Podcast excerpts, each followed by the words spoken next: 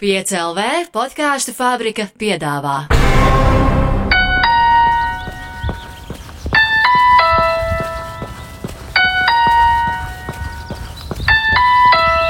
Šādi bieži nenotiek. Šādi bieži nenotiek, ka, ka mājā, kurā ir ļoti daudz radiostudijas, ir jāuzstājas jauna radiostudija. Mm, bet forši. Bet uh, labāk to darīt vai ne īstajā radiomājā, nevis kādā, kādā citā mājā vai uz ielas. Lā, uz ielas mums būtu jāizdomā, kur mēs pieslēdzam visas tos, tās vajadzīgās elektrības. Jā, darbie draugi, visi, kas ir nospieduši play šim, jūs esat pieslēgušies podkāstam, kuru sauc Runājam par skriešanu. Es esmu Toms Grēviņš, un pagājušajā, pagājušajā gadā, pašā gada nogalē, decembrī, es noskrēju piecus maratonus, piecas maratonu distances. Labdarības maratonu dod pieci laikā un piesaistīju labdarībai gandrīz 100 tūkstošus papildus eiro. Un tad, kad es biju pabeidzis, pabeidzis trešo distanci Lietpājā, es biju iedzīvojies pirmajā, um, ko tagad laikam sauc par mikrotraumu. Uh, nu tā, laikam paiet, uh, tā visi speciālisti, ar kuriem esmu runājis, tā viņi to saka. Biju iedzīvojies mikrotraumā, bet ar šo mikrotraumu devos pēc uh, dienas pārtraukuma uz cēsīm, kur noskrēju vēl viens 42 km. Un uh, šķiet, uh, nu jā, kaut kad starp tām liepājām un cēsīm man Instagramā raksta, raksta kāds džeks, Elvis. Elvis raksta, klausies, tev nevajag kaut kā bišķi pamasēt vai kaut kā dabūt tevi atpakaļ uz kājām. Un es skatos, nu, kas tas par Elvi iegūlēju, kas tas, kas tas par džeku ir, ko man uzreiz rāda Latvijas BMX komanda, galvenais fizioterapeits. Ok, es tur ieraugu Lakučs, ja Strombergs. O, skaidrs, kaut kāds Strombergs čoms, nu tā tad izveidojas, vai ne tā. Uzreiz tā vizītkarte. To es arī mūsu meitenēm, kuras man pavadīja tajos skrejienos, saku, tāpēc cēsim, ieplānojiet, ja mēs vakars Rīgā nekas nebūs, mēs braucam pie Stromberga čoma. Viņš, viņš izglābs mani, savedīs kājas kārtībā. Nu, lūk, tā, tā es iepazinos ar Elvi Puromu, ar manu šīs dienas podkāstu viesi. Un šodien mēs, tāpat kā visās citās šī mini-podkāstu uh, miniseriāla epizodēs, runāsim par skriešanu, bet bišķi arī ne tikai par uh, to skriešanu, ar kuru es nodarbojos brīvajā laikā, bet arī par uh, ikdienas skriešanu. Jo ikdienas skriešanā, nu, ikdienas skriešana noved pie divām lietām. Pie tā, ka pirmkārt ir jālabo vienā brīdī tas, kas notiek ne, augšā smadzenēs. Tas Lat Latvijā kļūst arī aizvien aktuālāk. Nevis uh, atstāt to mākslas, grāmatu, teātras, kinoziņā uh, to labošanu, bet uh, doties pie speciālista un ar viņu plāpāt. Nu, tad, ir, uh, nu, tad ir tas, ka ja augšā viss ir kārtībā, tad dažkārt sāk atteikties uh, ķermenis. Un tad, tad mēs dodamies pie fizioterapeita. Un, Uh, jā, El, pirmkārt, paldies, ka tu atskrēji no Valmieras speciāli šoreiz uh, uz šejieni, uz radiomāju. Uh, un otrkārt, uh, jā, prieks tevi dabūt pirmo reizi pie mikrofona. Paldies! Tev kādreiz kāds ir intervējis? Mm, negribu neko teikt. Jā, ir bijušas situācijas. Nu, Tur nu. bijis jāpafilmējās ir visādās epizodēs. Bet tas nebija baigi daudz. Bet, uh, bija jaunības gadi, kad piedāvāja, ja nemaldos, man bija 16, kaut kā 10. klase. un Tad mums tur bija tāda. BMX, man liekas, ka popularitāte Latvijā, un tad zelta zīltiņa izdomāja vienu reklāmu mums uztaisīt. Un, skaidrs. un tad mēs tur veseli brigādi bijām, un tad man bija tas galvenā loma jāuzņemās, un tad pat taurītēm, un tad es gāju pa alfa, un teicu, saka, nu, iztakā uz tevi skatās. Saku, Nezinu. BMX uh, braucējiem skriešana ir svarīga, gatavojoties kaut kādā treniņa posmā. Negara, bet pārsvarā BMX sprinteris. Un, uh, mēs esam tie, kas uh, īsās distances mēs ļoti daudz skrējām. Neteikšu, ka es biju labākais tajā visā, bet, uh, bet, bet, bet jā, tas ļoti daudz laikā sastādīja tādu pliometriju, lecieni, skrējieni un, un, un izskriešanas, jo mums tomēr tas starts ir īsa distance līdz pirmajam līkumam, tad īsa distance līdz otrajam, un tas pātrinājums tomēr ir tas svarīgākais. Un to mēs audzējam gan ar riteni, gan, gan ar skriešanu. Plus smags fizisks darbs. Nu, respektīvi, sprinteris ir tas, kas būvē muskuļus mm -hmm. un skrien. Un, un gargabalnieks ir tas, kas jo mazāk viņš nes līdzi, jo vieglāk viņam ir dzīvot. Bet gar, garie gabali tev mm, nekad, Nē, nekad nav, nav uzrunājis. Es tā domāju, nu, pirms es braucu uz turieni, ko lai es tev stāstīju par, to, par to garo gabalu. Jo, ja man tagad ir jāpadomā, nu, ko tad es, kam es dodu priekšroku, tad Ziemā tā ir distanču lepošana. Es neskriešu to, sorry. Jā, bija baigi forša ziema, bija iepazinos ar Otepi. Man ir ļoti labs draugs, kas man parādīja baigi labi, kad tās šļokas ir foršas, un vasarā tas tomēr vairs nav BMX. Bet tā ir tā garo distance, un kaut kā es to sirdi gribu trenēt, tad tā ir šoseis riteņbraukšana priekš manis. Bet sačos tu vairs nepiedalies? Nepaldies. Okay. uh, Klau, uh, jā. Mm, tu man stāstīji par Rīgu, ka tu ik pa laikam glābi tos nabagus, kur izdomā no Rīgas uz Valmieras skriet. Pats tu esi no Valmieras puses. Jā. Uh, Valmierā dzimis, audzis, strādāja joprojām. Viss, viss jā. Vis, gan gan vis, dzimis, audzis, jā, gan. Nu, cik stulbi ir ideja no Rīgas uz Valmieras skriet? Tā ir traki ideja. Es neteiktu, ka stulba.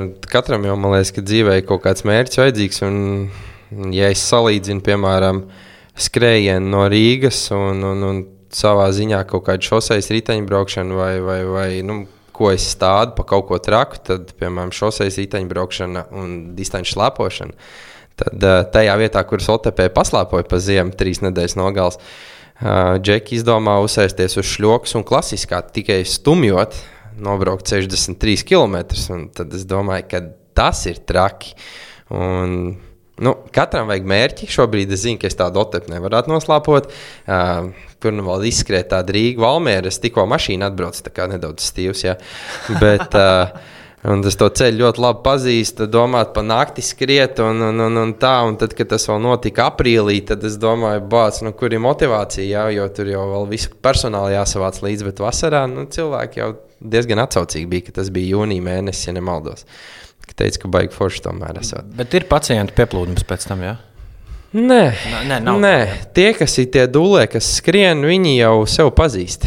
Un, un, un viņi zina, ka viņi divas dienas nolīdīs kā Lāta salā. Viņam pat īsti daudz ko nevajag. Viņu varbūt pirms tā skrējiena viņš kaut kādu profilaksītu uztaisa. Katram tā ir sava lieta, nekas nav spiests. Un, un, un, un, nu, man bija nejauša tā sadarbība ar tiem cilvēkiem. Galīgi nejauša. Okay. Jā. Klau, biju pie āroda ārsta pirms nedēļām, trijām. Viņš prasa, nu, ko tad es tā aktīvi darot. Es saku, nu, skrienu. Viņš tā skatās, viņš saka, ah, kaut ko garu vai nē. Es saku, jā. Nu, aizēju YouTube, apskaties, kas notiek ar cilvēku, kurš noskrien. Pat ar, viņš teica, ar sportistiem, kas noskrien maratonu. Aizēju, aizēju apskaties, kas notiek ar cilvēku, vai, kurš noskrien 42 km. Jā, par viņam, kas tas slikts ir, kas tur notiek ar viņu. Es domāju, ka. Nu... Vienmēr sakot, nu, viņa teorija bija tāda, ka nedrīkst vairāk par desmit kilometriem. Neviens cilvēks skriet, izņemot tie, kas ir Āfrikā dzimuši. Tur esot pilnīgi savādāka muskuļu struktūra viņiem un, un, un citi gēni. Un viņiem jāskrien, bet mums pēc desmit kilometriem esot jāiet peldēt. Nu, tā, viņš teica, ka tas esot vislabāk. Cīpslu gēniji tiem cilvēkiem ir savādāk, jā, kā mums, tāpēc mums Usains Bolts arī ir nu, nepārspēts cilvēks, bet uh, nu, 10 km, 20 tas jau viss ir atkarīgs. Nu, mēs kāpām pa trepēm augšā, ja kāpēc tu izvēlējies pa trepēm kāpt, nevis liftu spiest. Tā ir tā tavs slodzes tolerants, ko tu spēj izturēt. Tas ārsts neizturēs 12 km, viņš jau 9. domās par 10. un 10. viņš jau kāps mašīnā iekšā.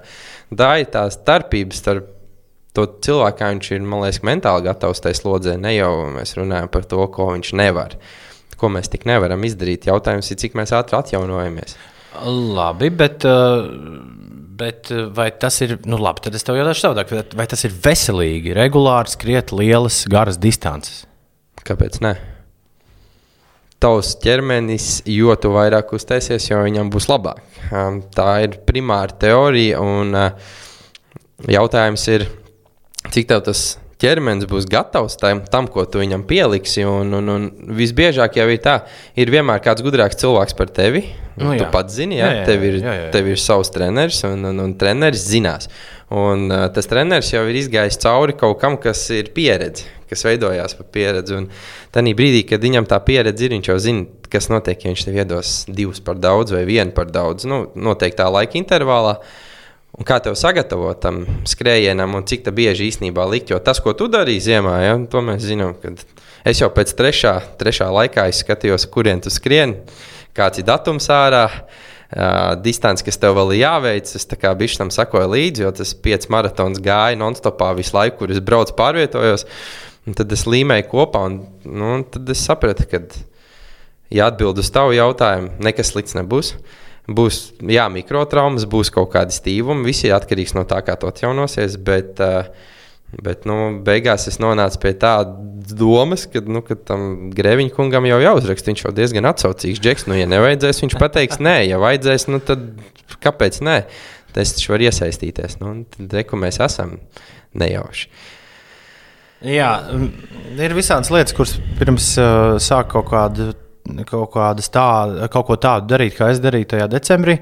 Ir viss kaut kas, ko tev nepasaka priekšā. Nu, neviens, pat ja viņi zina, tikai cilvēki tas maida. Viņi saka, nē, nē, viss būs labi, tiks galā. Un, un, un, un, un, un tā, bet, bet es atceros, ka pēc tam, kad es no tevis atgriezos, Man nebija tāda sajūta, ka, nu, tagad, nu, jo es biju nu, cerējis, ka tu izrādīsies tāds brīnumdaktars. Tagad uh, iz, būs jauns, jā. Iz, izmasēs, ne, un tagad viss es uzreiz jau nākamajā dienā varēšu, varēšu vicot. Bet, uh, bet, bet patiesībā to uh, kaut kādu tavu devumu izjūtu tikai nākamreiz, esot trasē. Nu, tajā brīdī, kad tev ir atkal ar, ar savu ķermeni jācīnās, un ka tu zini, mm -hmm. ka tagad vēl ir 41 km.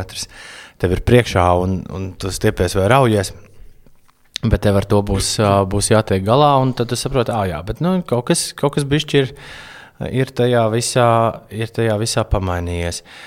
Kā, tu, kā apgūst fizioterapiju? Kā, kā tu kļuvi par fizioterapeitu? Laikam šis vairs nebija nejauši. jo tad, kad uh, sportoju BMX iteņbraukšanā, tad uh, nebija tas, eh, tas teiksim, tā, man, man tā duša bija viņa mīkstāka nekā pārējiem. Un, un, un, un varbūt, eh, ja tā pirmā trauma nebūtu tik nopietna bijusi, tad es varbūt nemaz nebūtu fizioterapeits. Bet viena no pirmajām traumām, kas man bija 16 gadu vecumā, diezgan liels lūzums, tas savienojās ar to, ka. Nu, tā reakcija uz traumu mums treneru vidū ir tāda, ka ne jau ārstam zvana, zvana fizioterapeitam un zvanīja tajā laikā. Es biju plēsis plecu un domāju, nu, ka tie ārsti, kas slimnīcā saka, ka ir beigusies braukšana, nu, viņi jāpārliecinās pie kāda cita speciālista. Tad pārliecinājās pie tāda ļoti spēcīga fizioterapeuta Olimpiskajā vienībā, Mareko Sauska. Zvans viņam, viņš saka, nu, pirms jūs lidojat uz to Norvēģiju, iebraucat, nu, parāda to puisi. Un, un, un iebrauc pie viņa, protams, te iekšā rokas svīst. Un, un, un, un, un, Nu, tu taču esi gatavs, bet tev tas placis somā, vai tiešām viņš ir tik traks? Nu, jā, viņš pasaka, ka gala atbild, nu, ka tur ir pilnīgi sarkana gaisma. Un, un tas fizioterapijas moments pieslēdzās tajā brīdī, kad tu jau tur varbūt biji bijis, un tur jūti kāda tā atmosfēra, un ka tu sēdi kabinetā, kas tomēr nav ķirurģisks kabinets. Ja?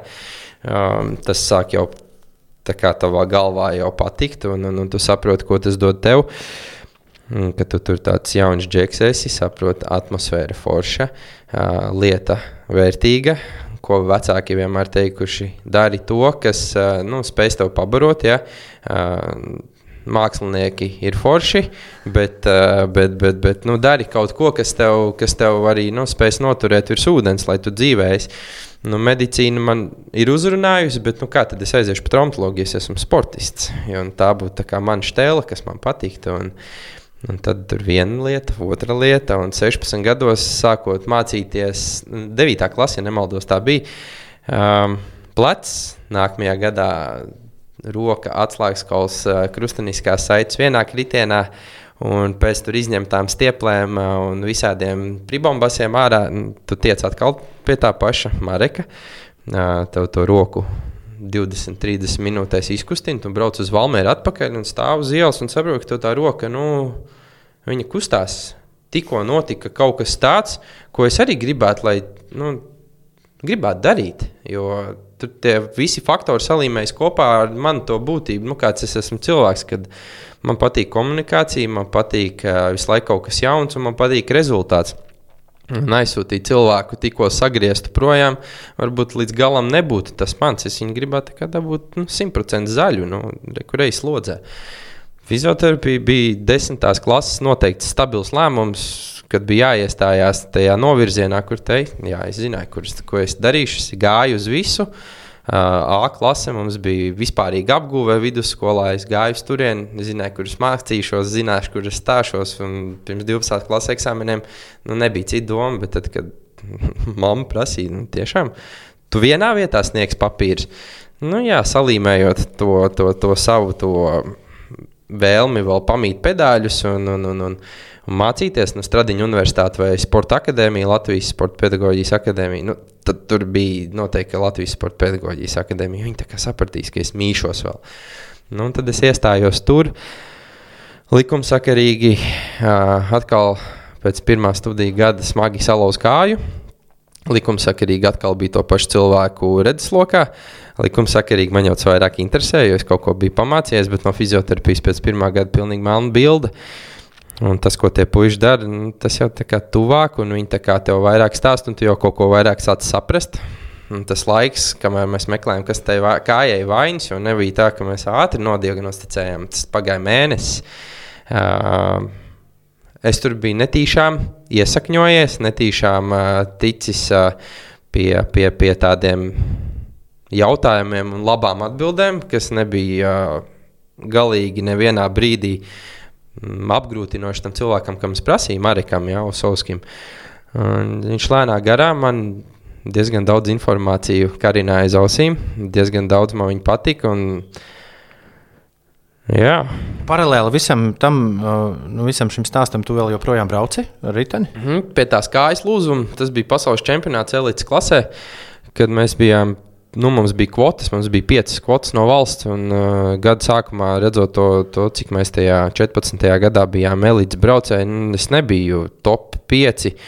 Pirmās gonkas mēs bijām, ja mēs bijām 12 pirms gonkas, es uz pirmo neaizbraucu. Mega liels uh, ātrums, mega liela izaicinājuma. Nebija gatavs. Uh, Tur bija divi, trīs ārā jau ar lieliem lūzumiem. Tad lēnām atsījājās, bet nu, man labi gāja un es jutos labi. Beigās man to kvotu piešķīra. Es aizbraucu. Un labi, ka es aizbraucu, labi, ka es salauzu to kāju. ja. Jo, uh, ja nebūtu aplauzis to muļķību sevī, kas ir visiem jauniešiem, nu, kas ir kaut kādi maksimālisti, nu, tad, tad ziep būtu lielas vēl aizvien kaut ko darīt tādu, kas nebūtu man to prizmu pamainījis. Jo, uh, Jo, jo, jo tad, kad es nobraucu pirmos divus kvalifikācijas braucienus, es sapratu līmeni, es sapratu, kas man būtu jāizdara. Es sapratu, ka to es nekad neizdarīšu ar savu ķermeni. Jo viens ir, varbūt es uzbūvēšu spēcīgu ķermeni un sataisīšu sev tādu, nu, tā kā man patīk, un tā kā tie džeki iet tādu. Nu, Bet man tā ap, apņēmība un pārliecība nekad nebūs tāda kā viņiem. Man nav šķirnes priekšā. Tas nebija mans sporta veids līdz galam. Un tas lūzums aizved pie pareiziem cilvēkiem, pareizajā laikā un pareizā situācijā, ka es jau biju Rīgā, es jau biju sācis studēt, un nu, labi sakrita man tās kārtas dzīvē. Un beigās. Mm, principā tu atgriezies pēc tam uh, jau komandā uzreiz kā, kā fizio? Mm, zini, kā. Tēt, jā, tin atpakaļ to bildi, jo viss bija baigi forši, jo mani paspārnē paņēma Mariks. Un mani apmācīja, un puiši situācijās, ka viņi netiek nu, pie savu fizioterapeita, viņiem nevar iedot, jo tas viens vai divi tie fizioterapeiti, jau tiek no vienas tās olimpiskās vienības mētāti uz visām pusēm. Bobslēgs, ziema, bet tajā pašā laikā BMX jau trenēs, viņam arī vajag. Un, un, un, un, un, Netika zvana man, vari. Es aizbraucu uz Valmieru, viens, otrs, trešais. Tas pats Ceļš Streimans man uzaicināja Rihards Veida, kas tajā laikā bija topa puiši. Uh, Viņiem patīk, ko es daru. Es biju ļoti līdzīgs uh, tam, kā dara Marks. Viņiem, pie, nu, viņi, piemēram, uzskatīja tā, viņi redzēja to rokrakstu. Es tā domāju, un pēc tam viņi teica, nu, ka krampis ir un ir baigi forši. Un, uh, tā kā tu biji perfekts māceklis. Es biju tāds, ko viņi varēja ar, uh, piemēram, prasa palīdzību Marekam. Ja viņš netiek, tad aizsūta mani, un, ja es kaut ko netieku galā, instruē mani. Un tad nu, tā instrukcija jau bija diezgan svarīga man, jo es jau viņu saglabāju. Un man ļoti patika, ka man tāda iespēja bija, un citiem jau nebija. Es viņu turēju pie sevis un darbojos ar to. to savu informāciju, to savu iespēju, un baigi nereklamēju, nelākāju, ka es tāds tagad augu. Man neinteresēja tas, man patīk, ko es daru. Un uh, aizvietojās tā, ka es vienu gadu, tad, kad es jau biju kājas alauzis, es viņu izdziedēju pēc trīs mēnešiem. Man tas pats Marks uzprasīja, nu, tu vēlēsies būt 50% fizioterapeits, tātad ļoti slikts fizioterapeits, kas mums uh, maisa vidi, vai arī ļoti slikts, fizio, ļoti slikts sportists. Kas ienāks atpakaļ pie mums, un ko tu izvēlēsies? Ja? Uh, nesagatavots, iet sportot, nu, muļķis. Bet ne, neizklausās, ka tā saruna bija tik uh, nu, dzīvespriecīga, kā tu tagad Nē, viņa bija ļoti, viņa bija ļoti, nē, tiešām mums Jā. tā ikdienas vide bija ļoti liels humors ņirgāšanās, jo tā, tā bija rītīga forša ņirgāšanās. Ja tu māki humoru uztvert, nu, tad, tad tas bija forši. Um, jautājums bija skarbs, jo tev iesita pa kājas starpi. Es uz viņu neatbildēju tajā dienā, es atbildēju pēc divām dienām, bet ļoti nosva, nosva, nu, nopietni par to domājot mājās. Jo kā tu noliksi nost to, kur tu esi ieguldījis nu, visu savu zināmo atliku, nu, iepriekšējo dzīvi. Un, uh, lēmums bija labs. Es paliku medicīnā, nevis uh, sportā, bet uh, vasara pienāca, uh, rītdienas bija. Uh, paralēli es nodarbojos uh, Mārcis Bēnijas klubā, kur es biju beidzamajā klubā. Pieslēdzies klāt, un kur mani paņēma, uzņēma un, un apčubināja un forši izturējās.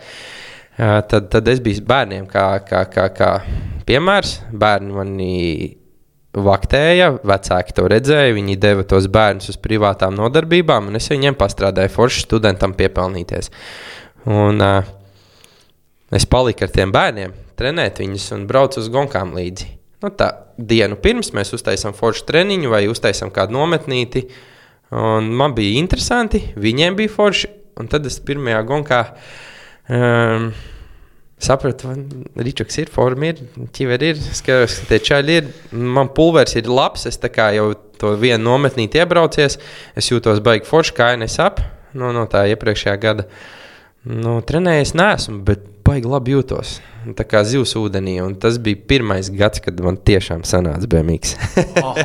Jā, Aha. un to visu sezonu es nobraucu no nežēlīgi garšīga mango garšmutē. Tas, nu, tā salīdzina, rītīgi forši bija.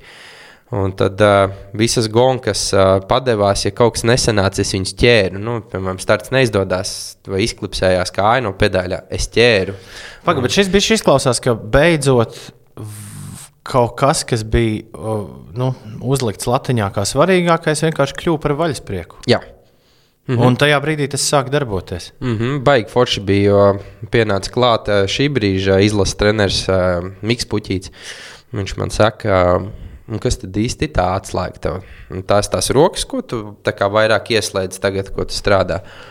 Es saku, laikam jau nē, nu, tās rokas jau nav stiprākas palikušas. Skaties, mans pulveris iet ārā. Nu, bet uh, viņš saka, tu tāds elastīgāks, foršāks uh, un, un redz, ka neesi.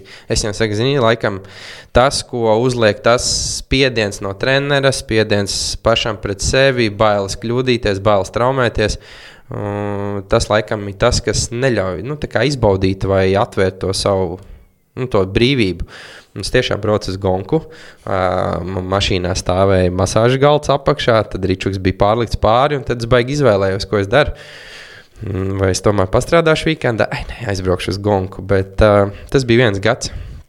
Mm, baigi labi jutos, un viņš laikam atkal sezonas beigām pārķēru. Uh, Tas bija viens treniņš, kur, kur, kur sanāca nokrist, bet uh, nu, trauma nebija tik liela. Es ļoti ātri sapratu divu variantu. Vai nu tas ir atslēgas kā lūzums, vai tur tikai aizbojājums. Es aizbraucu ātri uz slimnīcu, uztaisīju rengeni bez ārsta, jo ārstam bija diezgan nopietna trauma operācijas zālē. Tas to rengeni palūdzu sievietei apskatīties.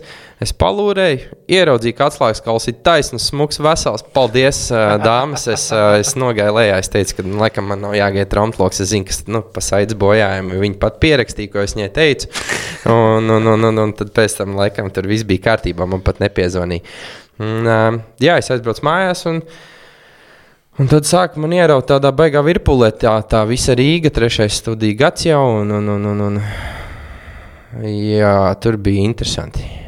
Bija forši. Uh, tad laba pieredze pateikt, ko tu drīksti darīt, ko tu labāk nedari, kur tu ej, pie kuriem cilvēkiem neiet, uz ko parakstīties, uz kādiem nosacījumiem, ar kuriem neparakstīties. tā pieredze šeit Rīgā, paldies Dievam, ka man viņa nebija jāpiet.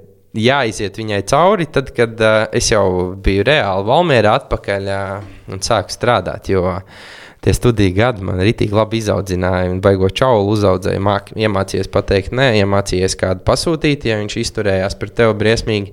Un tā ir mūsu vide, mums visādi cilvēki nāk. Fizioterapeits ir tas, kas uz sevi paņem ne tikai uh, tavu problēmiņu, Viņa ir liela problēma. Tu jau pats esi liela problēma, ka tu atnāc ar traumu, ja tā ir liela trauma.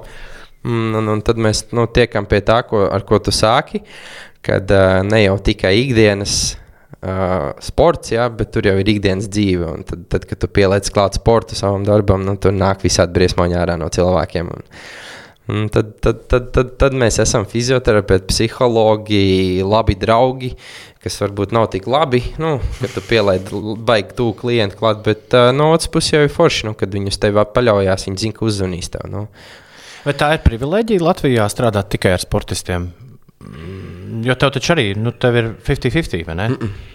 Jeb nē, ja tu strādā tikai ar sportistiem. 5 pret 9, 5 uzmini, kura puse dominē. 95 parasti cilvēki, jā, 5%, 5 jā, jā. sportisti. Jo nu, es teiktu, ka tagad tā, tādu reālu sportistu es neesmu Nē, meloju. Ja runājam par profesionāli, viņi neesmu redzējis kaut kādus astoņus mēnešus. Nu, tā nopietni. Visu ziemu, kas bija Covid apstākļi, viņiem bija savs gaisotnes, viņi savos burbulīšos dzīvoja. Bet uh, sportistu kā tādu, ja mēs tagad runājam, tad es tādu dulšu čaļus, kur kuri dara bijuši savādākā līmenī jau 40 pāri gados uh, sportu, es viņus redzēju diezgan regulāri. Nu, tad Jā, es okay. viņu nevaru raksturot kā baigo sportistu, jo viņš dara nopietnu darbu ikdienā, bet nežēlīgi smagi trenējās un profesionāli. Un tad, nu, tie ir tie sportisti. Tā ir tā, tā ir mana ikdiena. Es redzu, cilvēks iet uz darbu, uz oficiālu. Tur ir problēmas, čupa, jo viņi jau nekustās. Nu, tas un, gan, tad, jā. jā. Tas gan. Jāstāv, jāstāv oficiāli. Nē. Maini darbu. Klau, uh, cik daudz tev ar skrējējiem bijusi darīšana? Hmm, ir bijusi darīšana. Uh, ir bijusi ar dūliem skrējējiem darīšana, un ir bijusi darīšana ar amatieriem. Tad tādas visādas sīkās kļūdas, tu jau, ja tu pats to nedari, tu tikai aplasi, kas strādā. Kas reāli strādā, pasties, kā tie džeki trenējās, un, piemēram, tie paši dūlākā treneri, tu jau no viņiem arī mācies un saproti, ko viņi dara. Bet tā, kad uh, Megais būtu skrējis, komandai kādai slēdzas klāt sevi, nē. Bet uh, tev nav izveidojies tāds priekšstats, nu, kas, kas patiešām ir tā lieta, ar ko skrēja lažo? Nu, kas, ir, ka, kas, ir, kas ir tāda tipiskā kļūda cilvēkiem, kas skrien? Pārķeršana. Vēlreiz? Pārķert. Tā ir tāds jēdziens, pārslodze, pārķēris, tu esi ļoti pārķēris. Tā ir tā neatjaunošanās. Kad nu, cilvēks nespēja atjaunoties tik ātri, viņš atkal liek virsū.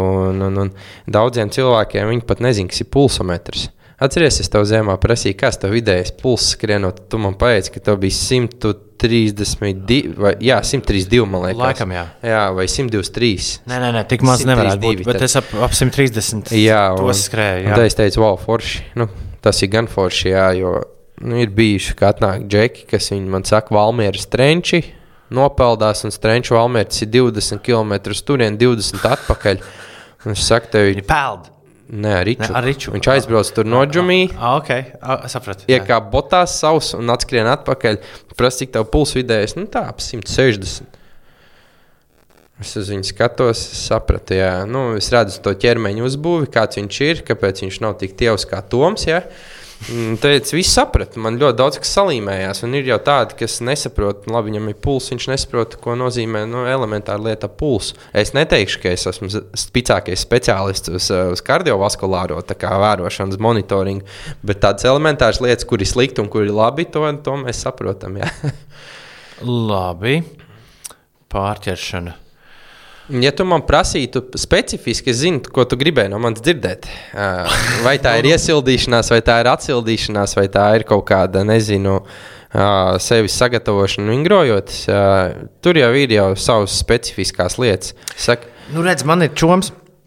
O, šis, ir, šis ir varens stāsts. Man ir čoms, kurš ir viens no tiem cilvēkiem, uz kuriem skatījos pirms es pats kļuvu par skrējēju. Uh, uz kuras bija spiests skatīties kā uz skrējēju. Tas ir standarts, kā tas viss sākās. Mm, Bet viņš nebija, pam, viņš nebija pamodinātais. Bet tad, kad tas sākās, tad es zināju, Jā. ka vismaz ir džeks, ar kuru var parunāt. Jo re, viņš ik pa laikam pasakā, ka, ej, pagaidi, tagad es šo nedarīšu, es paņemšu kurpes un es eju skriet. Tu tā kā domā, kāpēc? Kāpēc tu to dari?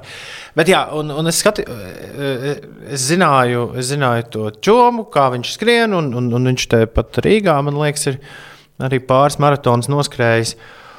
Un, uh, un, un mēs tā vairāk, uh, viņš tā vairāk mani sāk ņemt uh, vērā un, un, un galvā tieši arī pagājušā, pagājušā gada nogalē. Tā kā sapratu, ka jā, laikam ar šo džeku var parunāt arī, arī par skriešanu. Un kaut kā vārds pa vārdam, kas tur un kā tur. Un es viņam kaut kā tā runa aizgāja. Es saku, ka nu, galvenais ir riktīgi neaizmirst uh, par kā, kādu no tiem saviem skrēj- skrējieniem. Teica, ka nu, tur vi- vi- vienā sagāja viss kaut kas sauzās, jo uzreiz uh, cilvēkiem es esmu vajadzīgs un nevar atcildīties normāli. Nu, nav, tev, nav, nav tev laika kaut vai izstiepties uh, kārtīgi. Un viņš pēkšņi man saka, es nekad dzīvē neesmu staipījies. Un man paliek tāds. Uh, nu, jā, es, es palieku tajā mirklī uz, uz pauzes. Tad es, bet tad savukārt es aizdomājos, ka nu, nav tā, whatever works. Nu, priekš tevis kā, kā amatieru skrējēji, jeb tomēr nē. Tu to domā, vai Nē, nu es domāju, ka ja viņš, ja viņš to nav Nu, tagad- stiepies, tagad- jā, tad tas iedomājas, Tā ir viņa, nu, tā ir viņa viņš Jā, tātad ar tām jā. sajūtām dzīvo, un, tas jau ir iegājis nu, tādā vāveres ritenī, no mm. -hmm. kuras nezinu, kas notiks, ja mēs tagad viņu raut ārā. es pēc tam tev iedošu labu klausām vielu? Nu, tev laika varbūt nav tik Tu, daudz. vis, tu visiem labāk pied, Jā. iedod labu klausām vēl. Mēs zinām, ka Latvijā, ja sanāk ziepes ķermenī, un tu gribi zināt taisnu atbildi par savu traumu vajadzīgo, nu, tad tā ir ortoklīnika. Jā. Jā. Uh, nē, pie ārsta. Uh, Nu, pierakst rindā kārtībā, aizbrauc uz orto. Nu, tur ir ļoti labi speciālisti, gan mugurkaula ķirurgi, gan, gan, gan plau, nu, pleca locītavas, ceļu locītavas, viss. Un tad viņiem ir, nu, viņiem ir perfekta domāšana, viņiem ir fizioterapeiti, un fizioterapeits apmāca traumatologi ļoti lielā mērā. Un tad ir podkāstu sērija Oh. Orto Talks. Ortotalks. Jā, jā.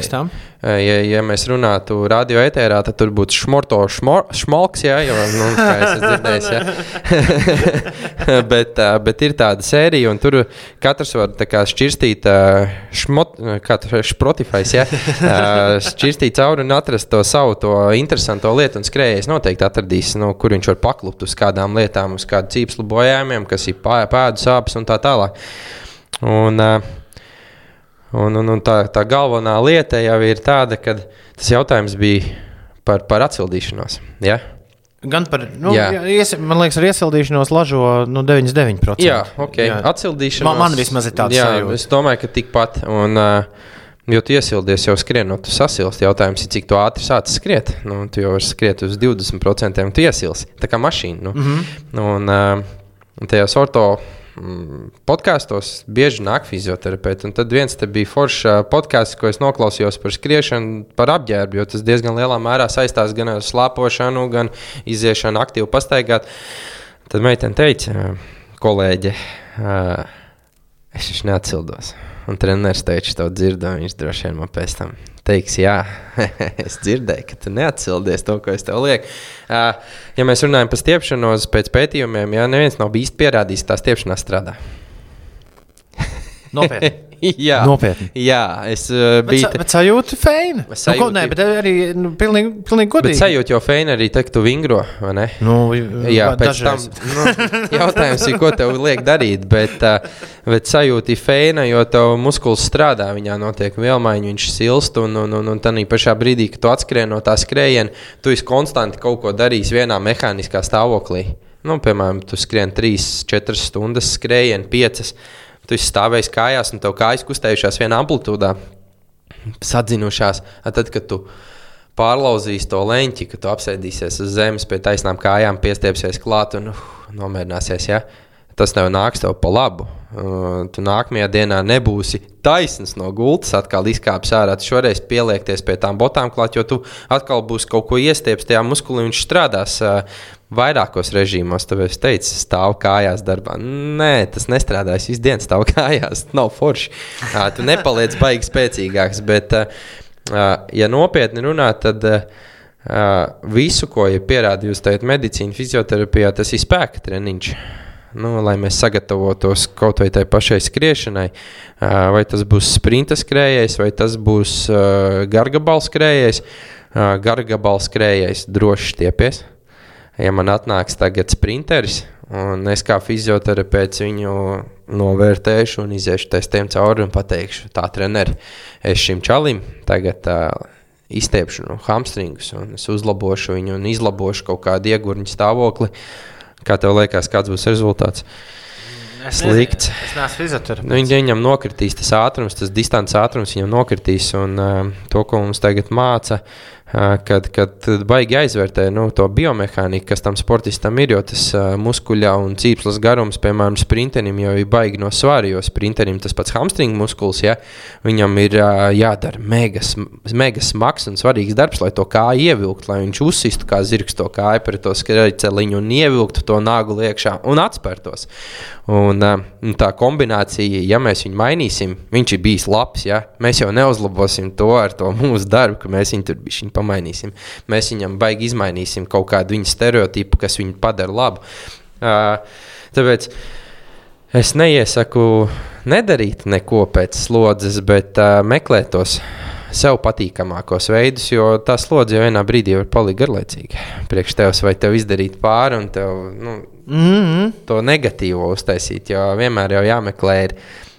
Es, piemēram, zinu, aizbraucu slēpot pirmajā reizē šogad nejūtos beigas spēcīgs. Man kolēģis vilka pa priekšu, bija ledus. Es nevienā kalnā netiku augšā līdz solī, bet bija mega smags treniņš, mega kaifs. Un, ja nebūtu tas kaivs bijis kārā, ja mīnus 8 grādi, uh, es tieku līdz kaut ko es varu. Uh, Baigi foršs slīdēja, bija super. Nu, vienkārši Igaunija, reliefs, Un tad Elvis ir pārķēris, ka nevar divas dienas neko normāli izdarīt. Tas pozitīvais bija krietni vairāk. Ja tas pozitīvais būtu maz, būtu bijis apmācījies lietas līdz sejā, es droši vien nākamajā nedēļā neaizbrauktu līdzi. Bet man bija tik liels uh, gandarījums, ka es viņu vēl aizvien atceros šodien, un es zinu, ka es tās slēpes nākamajam gadam nopirkšu speciāli. Klasikai. Un... Man izklausās, ka tu jau nevari sagaidīt, ka tas nevaru, sniegs jā, būs. ne? sorry, es nevaru. Jā. Viņš jau vēl dažās vietās ir, bet es tā kā bišķiņa citām lietām vēl aizraujos, tad es viņu tā kā tas slēpes iemet mašīnai kastē, ievaskots uz ziemu, un viņas arī stāv vēl aizvien. Vēlreiz, kāds bija nosaukums podkāstam, kur tu minēji pirms Orto talks. Ortotalks mēs meklēsim Jā. rokā, bet taviem faniem, kas ir tikai šo sēriju izvēlējušies noklausīties šajā podkāstā, kurā mēs runājam par skriešanu, es gribēju teikt, ka droši paklausieties arī pārējās, jo šajā mini seriālā katra tā epizode ir krietni savādāka, bet mēs plāpājam arī ar sla slavenāko un zināmāko Latvijas skrējienu organizatoriem, gan ar Rīgas maratona komandu, gan arī ar, ar Imantu Liepiņu, kurš ir uh, Stirnu buku galvenais džeks. Super. Stirnu buka sakarā, klausies, te tā kā skrējēji, nu, ti, man, man kā, man kā klasiski, klasisko distanču skrējējiem, man liekas, nu šitie, šitie, šitiem gan kaut kas nav. Ir īpaši kādā tempā viņi, kādā tempā viņi nesas uz augšu, uz leju. Nu, viens ir tas, ka es jau redzu, kas ar manu pulsu notiek. kamēr es nu, pat biju uh, Stirnbuks meža parkā, atklājām sezonu. Un es tādā nu, plus-mínus treniņa tempā uh, dzinājos. Nu, tas ir redzams, tas Pulss augšā. Vienkārši, nu, nu, Ja tev viņš krīt lejā, viss kārtībā. Nē, nē, viņš ļoti ātri krīt lejā, tad viss kārtībā. Nu, nu, kri- Krist viņš arī krīt, bet, bet, bet nu, tad, tagad es iedomājos, kas notiktu, ja es tajā, tajā tempā. Es, es satiku kaut kādu čāli, kurš nāca klāt iepazīties, kurš arī bija priecīgs par, par, par skriešanu. Un, un tā viņš teica, ka viņš dzirdējis, ka es piedalīšos Stīnu Bukā un ka viņam. Nu, tā man vismaz tas dīdžers gan jānoskrien. Es viņam prasīju, nu, cik ātri tad tu noskrēji. Distance bija gandrīz 20 km. Viņš nu, bija noskrējis stundā 50, es biju noskrējis 2 stundās 10. Tad es, tad es tā ļoti sāku smieties. Es teicu, nu, tur rīktīgi, vismaz dīdžeri tur rīktīgi ņēma mm -hmm. un noskrēja. Bet, Bet jā, tad es paskatījos tur tos laikus, tiem, kur tur ir pa tiem kalniem pa lejām no- nodzinušies. Ā, Ko tu, par, ko tu par to domā? Nu, vispār asfalts pret takām. Ko tas, ko tas maina mūsu ķermenim?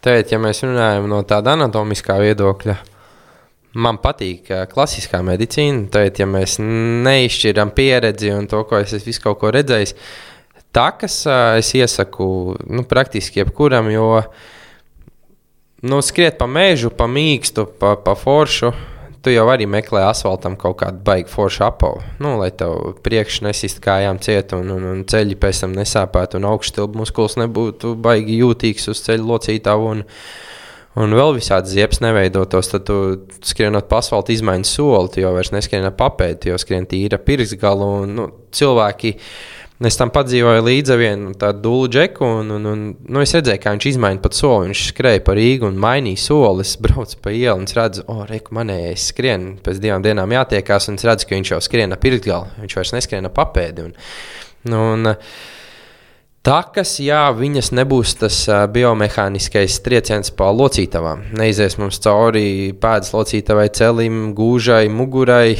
līdz pat kaklam. Tas, nu, tas sitiens nebūs, ja mēs skrienam smagi. Nu, kaut ko nokompensēs. Tas nebūs slikti. Ja cilvēkam sāp un viņš tomēr arī grib skriet, nu, tas, tas mīkstais būs foršāks.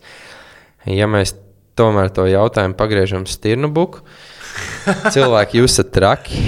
jūs esat reāli traki, jo, jo man atnāk sieviete, kas, kas ikdienā ir pārstāvis, jā, viņa sēž mašīnā, brauc un, un, un darbojās. Un, uh, Viņa kaut ko skrien, viņa kaut ko minās, viņai fiziskā sagatavotības trenerīce, viņa tur viss šeptējās. Nu, viss ir kārtībā. Uh, Un līdz brīdim, kad viņi sāk runāt par stirnu buku, tad ir tā, ka bācis man vajag teipu, man vajag uh, tur pēc tam masāžu, es nevaru paiet pēc tam, es tur to, man tur sāp celis, man potīt sāp. Uh, uz nākamo lūdzu man salīmējumu to, šito, to, šito.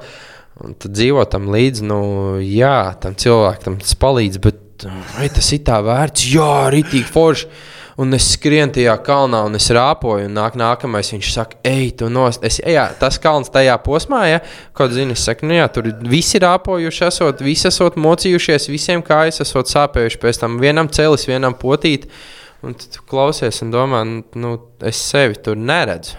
Nu, kā es pats, tas ir dūli. Nu. Nē, nu, vizuāli ir ļoti skaisti. Es, Protams, es tev varu, es tev varu pateikt. Latvijas valsts meža. Nē, nē, nē bet, bet, bet, lai arī kur tu nonāktu, tu vienmēr ieraugi tās vietas, kur tas notiek uh, citām acīm. Es gan divus tikai esmu redzējis, bet, Protams. Bet, bet, bet, bet, jā, pēc tam, piemēram, tukumā mēs skrējām, bet uz tukumu skatos pilnīgi savādāk nekā. Es tev piekrītu.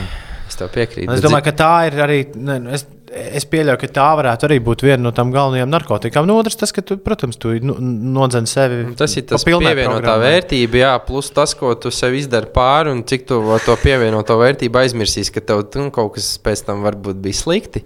Jo, redzi, mēs ar uh, Ričukiem, kad braucam, man jau arī tur tie dūlē džeki, nu tā kategorija, kas ir dūlē čaļi, viņi 40 plus, tur, tur, tur, tā, tur tie mani draugi, viņi ir kreizī. Nu, ka viņi brauc ar MTB. Nu, domāju, es tieku līdzi kā, kā kaut kāds BMX. Tur jūtos kā nekas. Nu, tas čels arī bija BMX. Viņš stāstīja to savu pieredzi, kā viņš sāk un kā viņš mēģināja vilkt līdzi. Uh, es jau vispār ko kaifoju, tas, ka es knapi redzu, kas apkārt notiek. Un es bļauju, Jā, kā man 199 balts gar acīm, pagaidi, ļoti labi maucam šitien vēl posms. Un, un tas mežs un tā bļaušana, un, un es pagriežos un redzu smaidīgi zobi, vienkārši skatās uz atpakaļ. Māja galvas, saka, jā, braucam. Nu, tas ir tas pats stirnubuks, un tu to visu redzi, un tā, tā vidi forša. Uh, Klau, runājot par, runājot par šo sarunu, kaut kas ļoti, ļoti līdzīgs norisinājās tad, kad es biju uz tavu galda, tad, kad tu tās kājas glābi. Uh, pirms Ziemassvētkiem. Uh, nu jā, tieši tur arī man ienāca prātā tā, tā ideja, ka mums vajag aprunāties arī noteikti pie mikrofoniem. Jo tev ir pirmkārt viegli klausīties, tev ir daudz kas stāstāms. Vismaz tu atstāji iespaidu, ka tev pašam arī ļoti patīk uh, šī stāstītāja loma. Un kas pats svarīgākais, ka ir kaut kādas būtiskas lietas, jo bieži vien Nu, jā, tu, tu izrunājies ar cilvēku, un tu domā, pagad, nu, vai ir kaut kas, ko paņemt līdzi tālākajā bagāžā. Bet ir pēc tās mūsu vienīgās iepriekšējās sarunas. Un pēc šīs pavisam noteikti arī ir, ir kaut kādas lietas, kas noteikti paliek, un, un, un viņas ik pa laikam prātā ieskanēsies. Un viena no lietām, ko es atceros no mūsu Ziemassvētku sarunas, bija par uh, augstumu, par, par ledu. Uh, jo nu, es ļoti daudz lieku, un joprojām lieku jā, savā atjaunošanās ā, praksē ļoti lielu kārtu lieku uz, uz, uz, uz augstu ūdeni. Un, ā, un tu man pateici kaut ko, kaut ko gan šokējošu. Mm -hmm. Pasaki tagad, pasak tagad visiem. Uh, medicīna balstījusies iepriekšējās dekādes uh, uz vispār uz kaut kādu uh, tādu traumatoloģiju un uz atjaunošanās principiem uz, uh, uz augstumu. Uh, traumatoloģijā tas ir ice princips, rest, ice, compression, elevation, atpūta, ledus. Uh, kompresija un, un elevācija, ja, kad tu to traumēto locīto pacēl augšā, lai attec notiek nu, uz, uz, uz nosnoviņas, lai nepieplūstās asinis. Uh, augstums sašaurina asinsvadus, kapilārus, visi forši. Mēs viņu aizvien pielietosim droši vien traumatoloģijā, uh, un tad atkal fizioterapeita pētnieki bļauj. Nē, tas tā nebūs. Uh, augstums, augstums dara sliktāk, viņš tā kā mums to reģenerācijas procesu kavē. Toms atnāk no skrējiena, viņam bija šī sāk iekaist cīps, lai viņš uzliek augstumu. It kā forši mums tā, mums tā kā viss sašaurinās, viņam paliek foršāk, bet tomēr ilgtermiņā nu, nav tik laba atjaunošanās. Un tad ir sildīšanas visādas metodes un ar, ar siltumu. Un tā ir tā jaunā tā pieeja, kad uh, Kad kā, lielie pētnieki pasakā, nedara tā, neiet uz to. Un man nāk sportists un saka, bācis, man augstums patīk. Toms pasakā, man rītīgi patīk augstums, un es jūtos forši. Paskatāmies NBA spēles, un, un, un tas, kas notiek ģērbtuvēs, viņiem visiem ir augstuma baļas, augstuma basēni. Kobe Bryants, ja kādreiz sēdēja ar aptītiem ceļiem, ar augstiem ledus gabaliem virsū, ja tur tā, lai nenosaldē vēl tās kājas un nav apdeguma. Viss notika, un kāpēc tas notika? Jo tas strādāja. Un nevienā brīdī es tev arī neatrunāju no augstuma, jo Ir daudz lietas, ko mēs varam izpētīt, ka tas varbūt ir sliktāk nedaudz kā būtu, ja mēs savādāk izdarītu, bet ja tas palīdz, kāpēc mums to nedarīt? Tas ir, tas ir mans uzskats par to. Jo, Atkal, whatever works. Ja? Nē, galvenais, lai tas dara savu rezultātu, dod, un, un, un, un, jo mēs jau nošausim kaut kādu zaķi, tomēr tāpatās. Ja mēs, nezinu, neizdarīsim to, mēs nebūsim neko darījuši. Sildīt reti kurš varēs pareizi. Ja? Un tur jau ar tās metodas jau klīniski sāk palikt, nu, kā tam mums labāk sildīt to kāju, cik siltu un kā neveidosies iekaisums. Jo iekaisums jau veidojas ar siltumu locītavu, tomēr paliek karstāk. Un, ja mēs tajā nezinu, mums tur plecā kaut kāda cīpsliņa bojā, tad mēs tagad uh, pieliksim siltumu. Nākamajā rītā pamodīsimies jau ar sprandas sāpēm, un, un, un, un, un tā cīpsliņa kaisos, un ortoklīnika mūs sauc. Nu, tā kā tā kā whatever works, neprecīzāk, bet, labi, labi. Uh, bet jā, tā kā piedomāt pie tā, kā varbūt dažreiz jau, kad ir par traku, tā varbūt ir man tāda speciālista piebilde, ja nevelkat garumā sāpes. Nu, neatstājiet viņus savā pārziņā ar augstumu, ne, neeksperimentējiet paši. Ja ir vēl ok, tad noteikti traumatologs skatīsies šķīvi, bet aiziet kaut vai pie fizioterapeita, jo no tā ārsti daudziem bail, ka tas ņems skalpeli. Bet uh, nevelkam garumā plecu sāpes, ceļu sāpes, potītas sāpes. Uh, Kāju aizmugures sāpes, ja mēs skrienam paceles sāpes, nu, varat arī atgriezties trīs mēnešus uh, pagātnē ar savu visu skriešanu, jo tas kaut kādā veidā novedīs pie traumas. Un, uh, nu, mums ir baigi jādomā līdzi, mums jābūt erudītiem, mums jābūt gudriem pret sevi un nedaram sev pāri. Tas jau tāds, man liekas, tas galvenais ir. Ko tu par roņiem domā? Forši.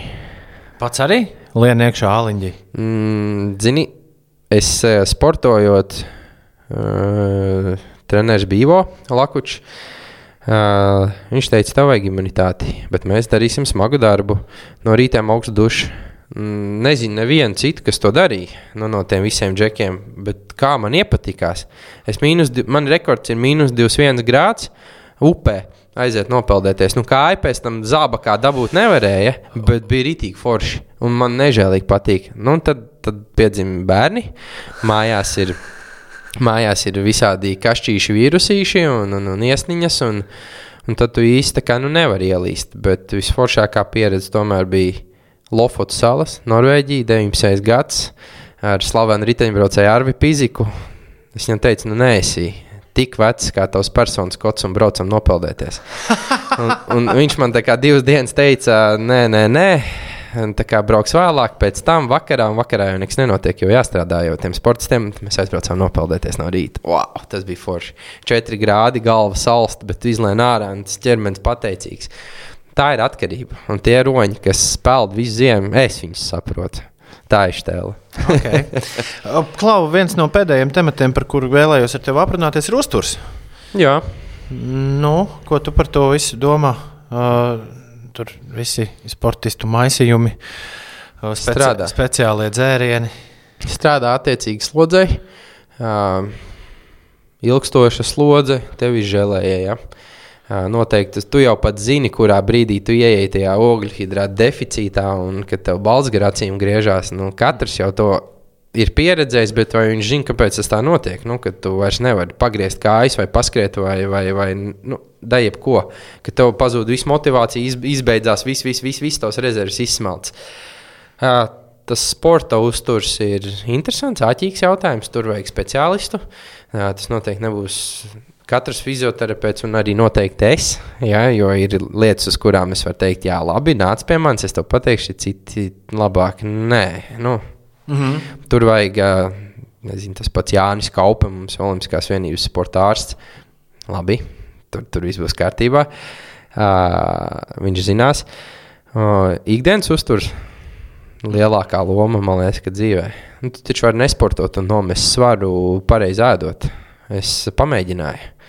Pamēģināju 4. studiju gadā 10 kg uzaugt netīšām. Mm, Bet uh, baigi labi nodabūju nostiņas pēc tam, kad viņš pieslēdzās savai galvai klāt. Raksturiņš, raksturiņš. Jā, nu, tas, ir, tas ir uzturs. Es neteiktu, ka es ēdu mazāk. Nu, ēdu, bet, uh, bet uh, vai es ēdu kaut ko citu? Nu, tā kā citi ņem salātus un kūrējās uz sulām. Nē, taču es gribēju ēst. Valmērā ir viena ēstuve. Tik laba kotlete. Visu bērnību zinu, kā viņa garšo. Kura? Mm, Drīkst, drīkst. Zeti. Um, tā ir tur, viņi, viņi mums sanāk, mēs viņus saucam par zetiem, uh, bet tas bija uh, sadales tīklu veco laiku. Darbinieku ēdnīca. Tur Ā. pazīstam cilvēku, strādā, kā ģimenes draugi, tur pavāris. Un, un es atceros, kā otrajā klasē ēda to kotletu ar kartupeļiem mērcīt. Tajā gadā, kad es metu nost, viss, kas bija jādara, man lūdzu pusīt šodien. Ah, Jā, un Aha. salātiņš, saldo, mm, vanīļas krēms, mērcīt, labi, dod šurp un kefīriņu. Nu, Viss, un tā bija mans pusdienas. To apēst pusīti, varētu to pilnu tam divām kotletītēm. Mm, tā kā gribās vēl. Ej projām, izai pa durvīm. Jā, viss kārtībā. Viss. -huh. Pazud tas, tas, tas galvas erors. Un, un, un, un vakaros sievai paies, reku man bļodiņu, lūdzu ieliec to, tos rīsus, samērcīt, reku te. Un vairāk man nedod šovakar. Nu, tas uh, uzturs daudz ko dara. Un tad, kad tu pareizi saliec un sev nepārbaro, un tad ir stēle. Tu vari ēst visu, ko tu gribi, pieliec slodzi klāt. Un viss notiek. Pats zini.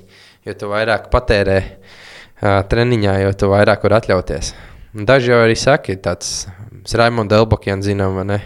Viņš man liekas, ka teica tādu frāzi. Nu, es uh, gribu vēst, tāpēc es sportoju. tu jau biji piestie- pieskāries apģērbam. Jā, Uh, nu, kurpes, ne, nu, skriešanā viss kaut kas ir. Tāda mērierīce, šī tāda mērierīce, uh, tāds gadgets, šī tāds gadgets, bet nu, kurpes, man liekas, tā ir nu, tāda zinātnē. nu, a, a, a, absolūta zinātne. Bet cik ļoti tā, tavuprāt, ir patiešām zinātne un cik, cik, cik daudz tas ir uh, fliks mārketings? Mm. Tas strādā. Jā. Pie tā arī paliekam. Jā, jo, jo, jo, jo tas pats uh, mans uzslavētais, izslavētais Marks Osovskis, jā, arī daudz skrējēji, kas ir gargabalnieki, viņi viņu pazīst. Viņi zina, ka viņš kādreiz ar asiks strādājis, tā ir strādā ar brūks un taisa skriešanas testu un skatās, kā tā kāja krīt. Jo mēs katrs esam savādāks. Nu, es pēc savas potītas traumas arī esmu savādāks cilvēks. Es neesmu tas, kas varēja skriet ar jebko. Man tomēr sāp, ja es paskrienu ar kaut ko, kas man nepatīk. Un, uh, Gēla potītes, supinātori, plānākas, mīkstākas, būsti. Tu jau tu man vari turpināt, papildināt vēl un vēl, un tas viss strādā. Tas uh, katram ir sava čība, un, un, un tas, kuram ir vairāk rocība, viņš saprot cik tā, cik tā, tā tēma ir plaša. Jo viņš notestējis visu. Tas pats viens mans klients, ko es teicu, kas mainīs soli. Viņš skrēja ar visu, ar asiks, ar visu kaut ko. Beigās viņam ir kaut kāds būsts. Un viņš saka, šitais ir labs, es pastos no tās tupeles, nekā nav. Apakšā tā putaplas tikai stāv, bet tas strādā. Viņam tā kāja vairs nesāp. Mēs tikām vaļā no, no ceļa locītavas iekaisuma, un, un, un viss notiek. Tā kā kurpes, jā, štele. Uh, tu pieminēji, nu jau otro reizi, viss, manuprāt, pasaulē lielāko strīdu starp skrejējiem. Un arī, ja dodas uh, interneta dzīvēs, sākt lasīt pētījumus un, un, un dažādus viedokļus, man arī liekas, vienmēr nonāca pie 50-50. Kā tad ir jāpiezemējas? Tad, kad es nopublicēju savu pirmo skriešanas bildi, kas bija uzņemta no pirmās, pirmajā, pirmajām sacensībām, kurās es piedalījos Tallinā, tad uh, pirmais komentārs, ko es dabūju, negatīvais uh, Facebookā, bija par to, ka Pasties, kādu skrienu pie kāda treneru. Tu, tu taču rīktīgi piezemējies uz papēža. Es joprojām piezemējos uz papēža. Man liekas, ka es tev ziemā ar to prasīju, kā tu skrieni. Es, Jā. es joprojām piezemējos uz papēža, bet nespiedod strādāt. nu, Jā. Nesūdzos. Tikmēr, jā, ir daudz, kuriem saka, nevēl, klausies, ir obligāti jāpiezemējas uz kaut jāmaina. Pirkstiem. Jā, nu, man tu prasīs. Nu, es tev prasu, jā, es skrienu uz papēžu. Nu, es esmu tīzlis, tad jā, skrēju vidū, un, un, un es neesmu profesionāls, bet, uh, uh, lai izmainītu to skrējienu, to uh, kustību, nu, tur, tur, tur, tur, tur tam tiešām ir jābūt iekšā, ka tu skrieni un ka tev tas ir vajadzīgs. Tas ir baigi grūti izmaināms. Pirmkārt, tas, tas pirksgals. Mm, cik daudz literatūra, piemēram, tos pašus amerikāņu fizioterapeitus un tādus pētniekus skatos. Nu, domā, viņi baigi labi izsakās pa papēdi. Nu, nē, to slodzi viņi biomehāniski pēta un skatās, un ka tā slodze tomēr mums daudz tās locītavas un ilgtermiņā tas nebūs labi. Mm, svara pārnese ir nākamā lieta, kas notiek skrienot. Tas pats kalns uz augšu, kalns uz leju, kādu svaru nes. Ja, ja tu skries pa kalnu uz leju, sasvēries priekš, noriposi, jāskrien uz atpakaļ. Tad kā tu skrien lejā? Ja? Un tas pats skrējiens pa taisnu virsmu, viņi baigi daudz analizē. Un rāda, un liek video, un liek uh, vektoriņus klāt, re, kur ir pirsgals, un kas notiek, un kā tā slodze iedarbojās uz ceļa, kā uz gūžu, un kur tu skrieni un cik tu taisnīgs beigās esi. Ja? Uh, jā, forši, bet es tā nevaru. Man tā nesanāk. es, es pamēģināju, un liekas, ka es ļoti izlaskrienu, man nesanāk. Un tad man reāli būtu jābūt trenerim, kurš man pamato to, un tā ir izglītošana. Nu, manā skatījumā, kā fizioterapijā. Kāpēc vingrot? Kāpēc to darīt savādāk, kā, piemēram, nu, treneris fitnes zālē to dara? Kāpēc jānāk pie fizioterapeitu, viņš izstāstīs, kā vingrot. Kāpēc jāvingroja tieši tā? Es visu laiku esmu vingrojis to vingrinājumu, ko tu man parādīsi savādāk. Tā viņš atnāk, izpildīt, viņš oh, ok, jā, labi sapratu. Es atkāpjos. Vispār tā jau nav nekāda sieviešu vingrošana. Lielu kačoku dabūt uz parastiem vingrinājumiem, ka viņš neko izdarīt nevar. Tas pats ir arī skriešana. Tev vajag treneri, kurš pamato, pastāsta. Viņš saka, tev tas būs labāk. Nu, bet ne visiem tas būs labāk. Es tev nevaru pateikt, jā, nē, piekrītu, esmu par, pret, noteikti nē. Ja es skrietu, es noteikti būtu izpētījis. Dziļāk, jā. Kāpēc tev tom to vajag, un es tev iemācīšu? Jā, ja es to darītu, tad noteikti, kad mēs to varētu pamatot. Jā. Labs ir. Milzīgs prieks tev atkal satikt. Fantastiski.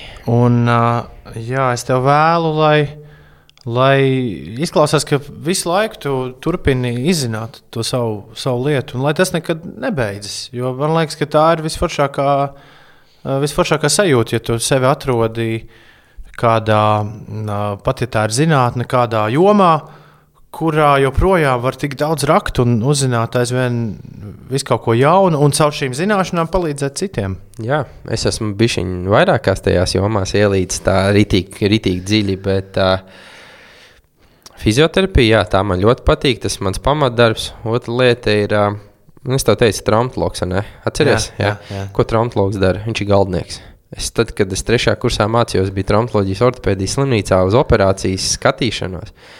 Um, es pakluso ēdu maizi. Un citi tur slikti vemji un sēdi maizi un skatījos trīs stundas gūšu operāciju. Pēc tam es to maizi ēdu, tā kā cēlu taisīju, jo es tur viens pats biju. Mēs divi divi tā ar kolēģi. Un izčikājāmies, kurš iet pēc bagetes uz, uz taķiku, un tad es redzēju reāli. Tas ir traumatologs, ir galvenais. Tagad, kad es būvēju māju, ģimenes māju, Aha. man sasienās, un es laikam savalku to, kāpēc es esmu fizioterapeits, un kas tad ir tas, kas man arī tīk patiktos, nu, kas būtu forši. Paldies Dievam, ka es fizioterapeits, seks māju var būvēt. Un, un, un, un, un, un tad es tās lietas izkožu, visādi instrumentiņi, cipu capu, bet uh, jā, uh, viena lieta, kas bija tāds beidzamās nedēļas foršākais, foršākais teiciens, ko es noķēru internetā, ja tu visu, ja tu visu laiku dzīvos pēc viena un tā paša, tu neko jau nedabūsi garlaicīgi. Un tad es laikam sapratu to savu būtību. Ja man nekas nemainās, es sāku ēst sev no iekšā. Visu laiku kaut ko vajag jaunu, jaunu domāt, pētīt, rakt. O, oh, šī tāda veidu noķēra, kā to darīt, pamēģināt strādāt. Un visu laiku mums jāpilnveidojās, jāiet uz priekšu, jāaug, un tad arī viss būs.